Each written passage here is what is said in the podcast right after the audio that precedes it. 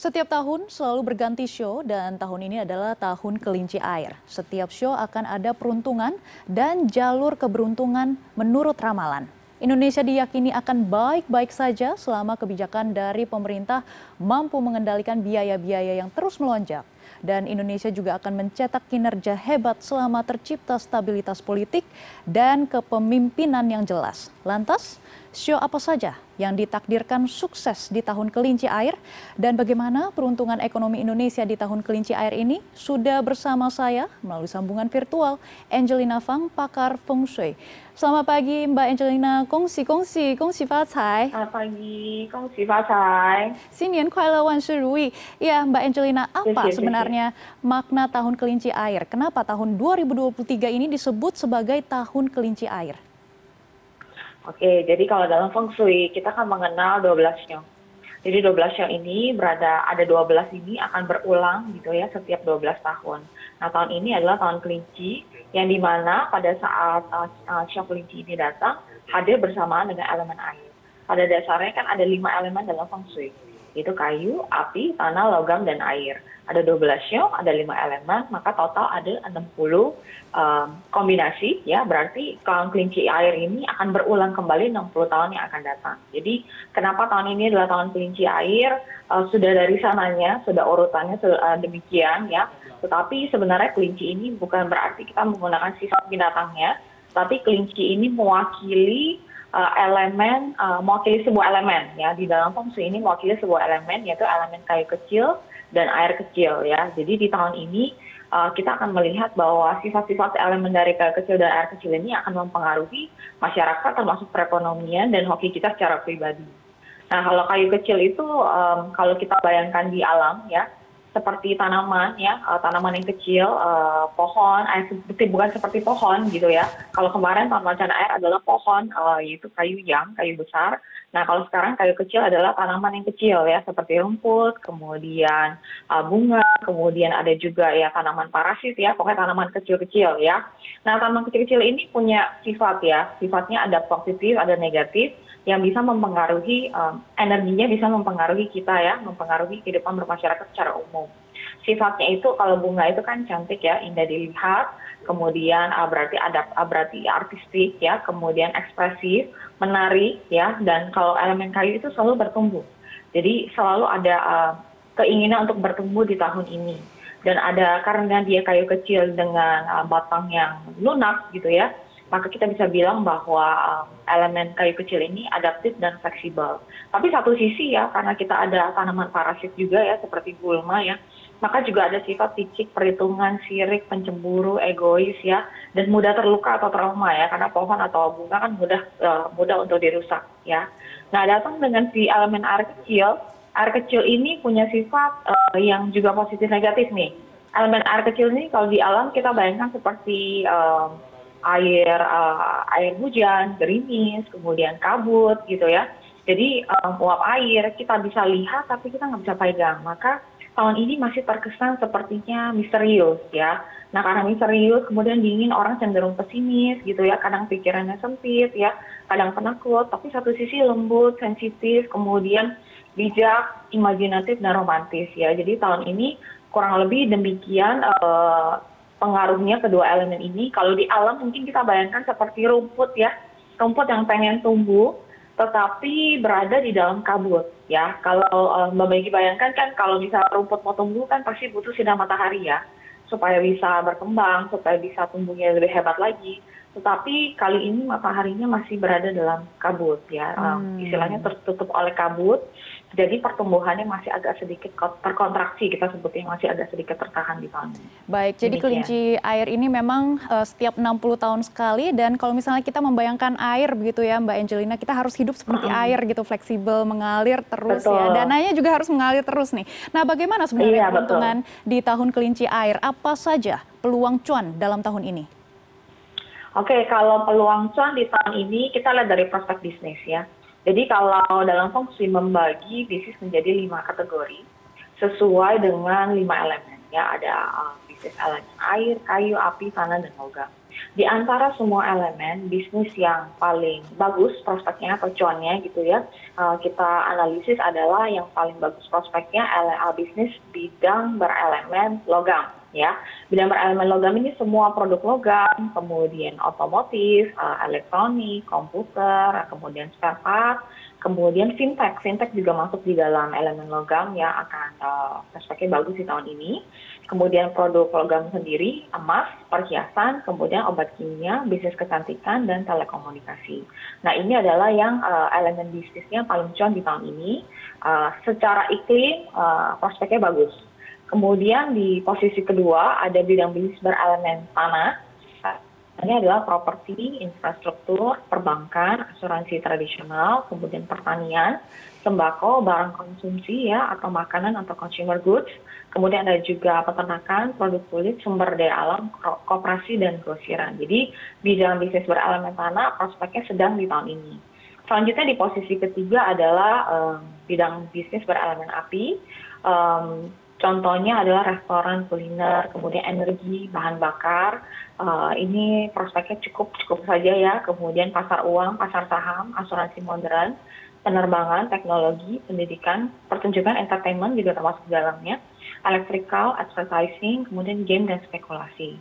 Nah, kemudian terakhir ada elemen bidang bisnis berelemen air ya, seperti minuman, kafe, transportasi, kemudian perikanan, ya, bisnis jasa, bersama dengan elemen kayu, tekstil, fashion, kesehatan, perhutanan, perkebunan, kemudian percetakan ya, furniture yang berbahan kayu, logistik, pergudangan, dan jaringan uh, bisnis berelemen air dan kayu ini di tahun uh, kelinci air akan mengalami tantangannya. Kenapa? Secara tren orang akan lebih banyak um, melakukan bisnis ini ya. Prospeknya mungkin karena tahunnya tahun kelinci air, um, ada elemen kayu dan air, secara tren kita akan melihat lebih banyak orang uh, melakukan bisnis ini, ya melakukan bidang bisnis di elemen air dan kayu. Tetapi karena semakin banyak, maka persaingan juga semakin ketat. Maka di tahun ini uh, bidang bisnis berelemen air dan kayu ini kita sebut mengalami tantangan. Demikian. Baik, kita akan terus memantau ya sektor-sektor yang tadi sudah di-highlight oleh Mbak Angelina. Tentunya kami juga ingin mengetahui Bagaimana nasib Indonesia pada tahun kelinci air ini? Karena memang tahun 2023 adalah tahun politik, Mbak Angelina. Oke, jadi tahun uh, kelinci air ini ya uh, sebenarnya yang akan kita highlight itu adalah bahwa potensi resesi global dan inflasi ini nyata ya akan ada. Nah, kita istilahnya memang akan terjadi. Dengan demikian, uh, kita perlu bisa melakukan uh, strategi ya. Istilahnya kita menerapkan sebuah strategi yang di mana kita melihat kemampuan kita ya. Kalau kita sebut adalah know your limit ya. Di tahun ini kita tahu batas kemampuan kita kita mau ekspansi kita atur cash flow kita kemudian kita juga lindungi nilai ya. Kita lakukan investasi untuk melindungi nilai dari uang kita. Nah ini adalah yang perlu kita perhatikan ya. Nah kalau dari sisi politik sendiri sebenarnya kalau dalam di Indonesia sendiri meskipun potensi resesi global ini uh, terjadi ya secara global ya Indonesia secara umum masih uh, lebih baik ya masih sedikit lebih baik di Asia dan Asia Tenggara ini masih sedikit lebih baik. Meskipun demikian perekonomian ada potensi perlambatan dan kondisi politik yang kurang stabil akan bisa membuat orang lebih banyak wait and see ya. Mungkin jadi para pelaku bisnis para pelaku ekonomi mungkin akan lebih banyak wait and see di tahun uh, politik seperti itu. Nah, kemudian kita sarankan juga meskipun demikian uh, naik dan turun itu kan adalah sesuatu hal yang wajar ya uh, di dalam kehidupan kan nggak bisa kita selalu bagus atau selalu jelek gitu ya. Tetapi yang paling penting adalah bagaimana kita menghadapinya. Jadi di tahun ini uh, di tahun kelinci air kami berpesan bahwa meskipun ada penurunan ekonomi dunia, kuncinya adalah kita bertahan dan kita lebih fokus ke dalam. Fokus ke dalam tuh maksudnya adalah kita fokus bagaimana membuat diri kita, bisnis kita menjadi lebih kuat.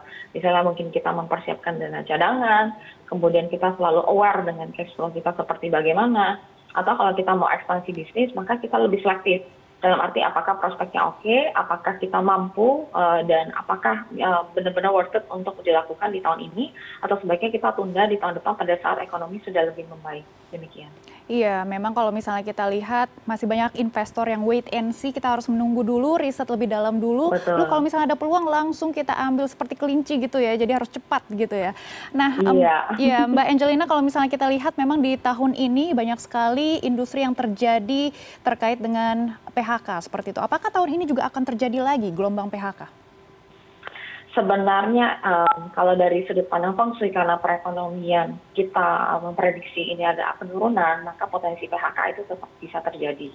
Maka bagi yang berkarir, bagi yang bekerja, kami sarankan kalau bisa bertahan dulu di tempat karir yang sudah ada. Uh, maksudnya jangan berpindah jika peluangnya masih belum pasti. Tapi satu sisi kita perlu meningkatkan uh, istilahnya um, kemampuan kita, kalian kita, kita upgrade diri kita supaya kita menjadi yang tidak tergantikan ya. Tapi satu sisi menurut saya juga kalau memang ada potensi itu terjadi, tentu kita perlu ada plan A, plan B ya. Dalam arti kita nggak suka um, perang terjadi misalnya dalam dalam uh, strategi perang kita nggak suka perang, tapi ready for battle. Kita tetap harus bersiap-siap dengan kemungkinan yang terjadi. Jadi selama kita menunggu, mungkin kita bekerja berkarir, kita menunggu meskipun ada ketidakpastian ini, tetapi kita sambil menunggu kita bisa upgrade diri kita dan kalau perlu mungkin kita bisa melakukan bisnis sampingan selama bisnis sampingan ini um, tidak mengganggu pekerjaan utama kita, kita sanggup handle, kemudian modalnya mungkin nggak terlalu banyak ya, resikonya juga lebih rendah, maka boleh tetap kita lakukan. Ya, jadi di tahun ini um, potensi PHK menurut kami masih bisa terjadi karena um, resesi global mungkin ekspor akan menurun ya karena kan resesi global membuat permintaan juga menurun ya uh, demikian dengan demikian ada sedikit penurunan ya um, kalau saran saya bagi yang berkarir stay bertahan tapi sambil upgrade diri kalau perlu upgrade untuk bisa menambah bisnis sampingan yang di mana bisa kita lakukan sesuai kemampuan kita.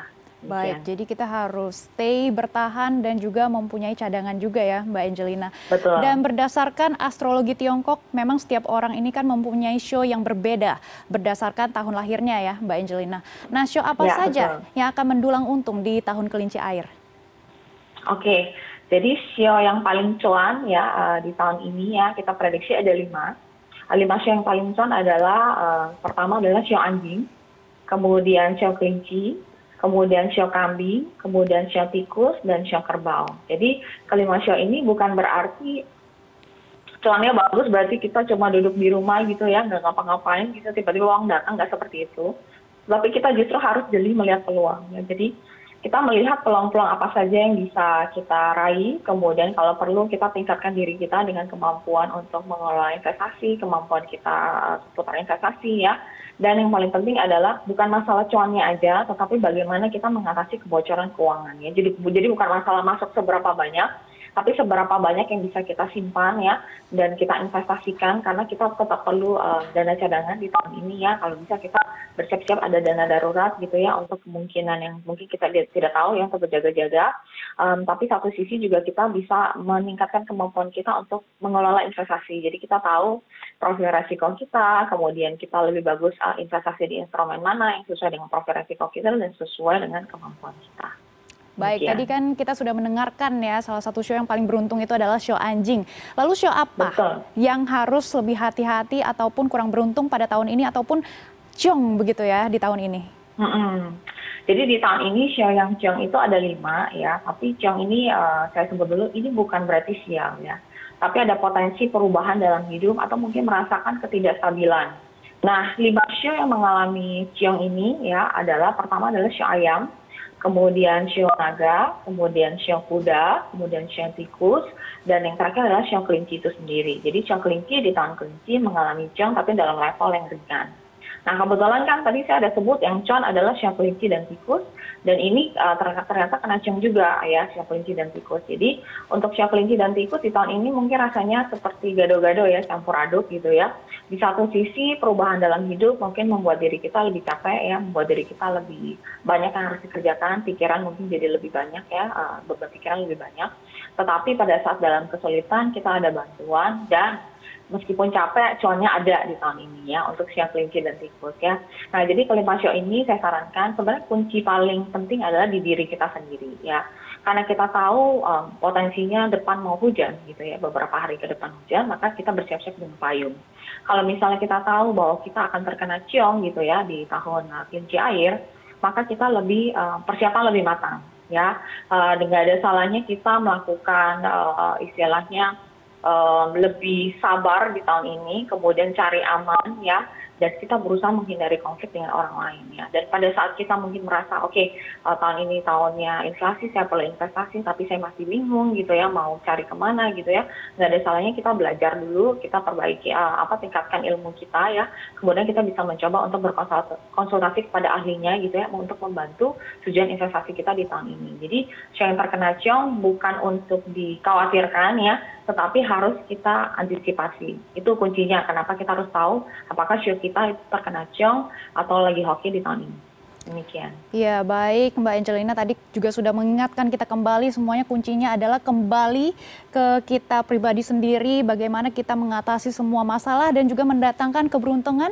Terima kasih pakar Feng Shui Angelina Fang sudah bergabung bersama Terima kami di juga. bisnis dan referensi. Xie Ya semoga semuanya semakin sukses dan makmur. Terima kasih. Terima kasih. Xie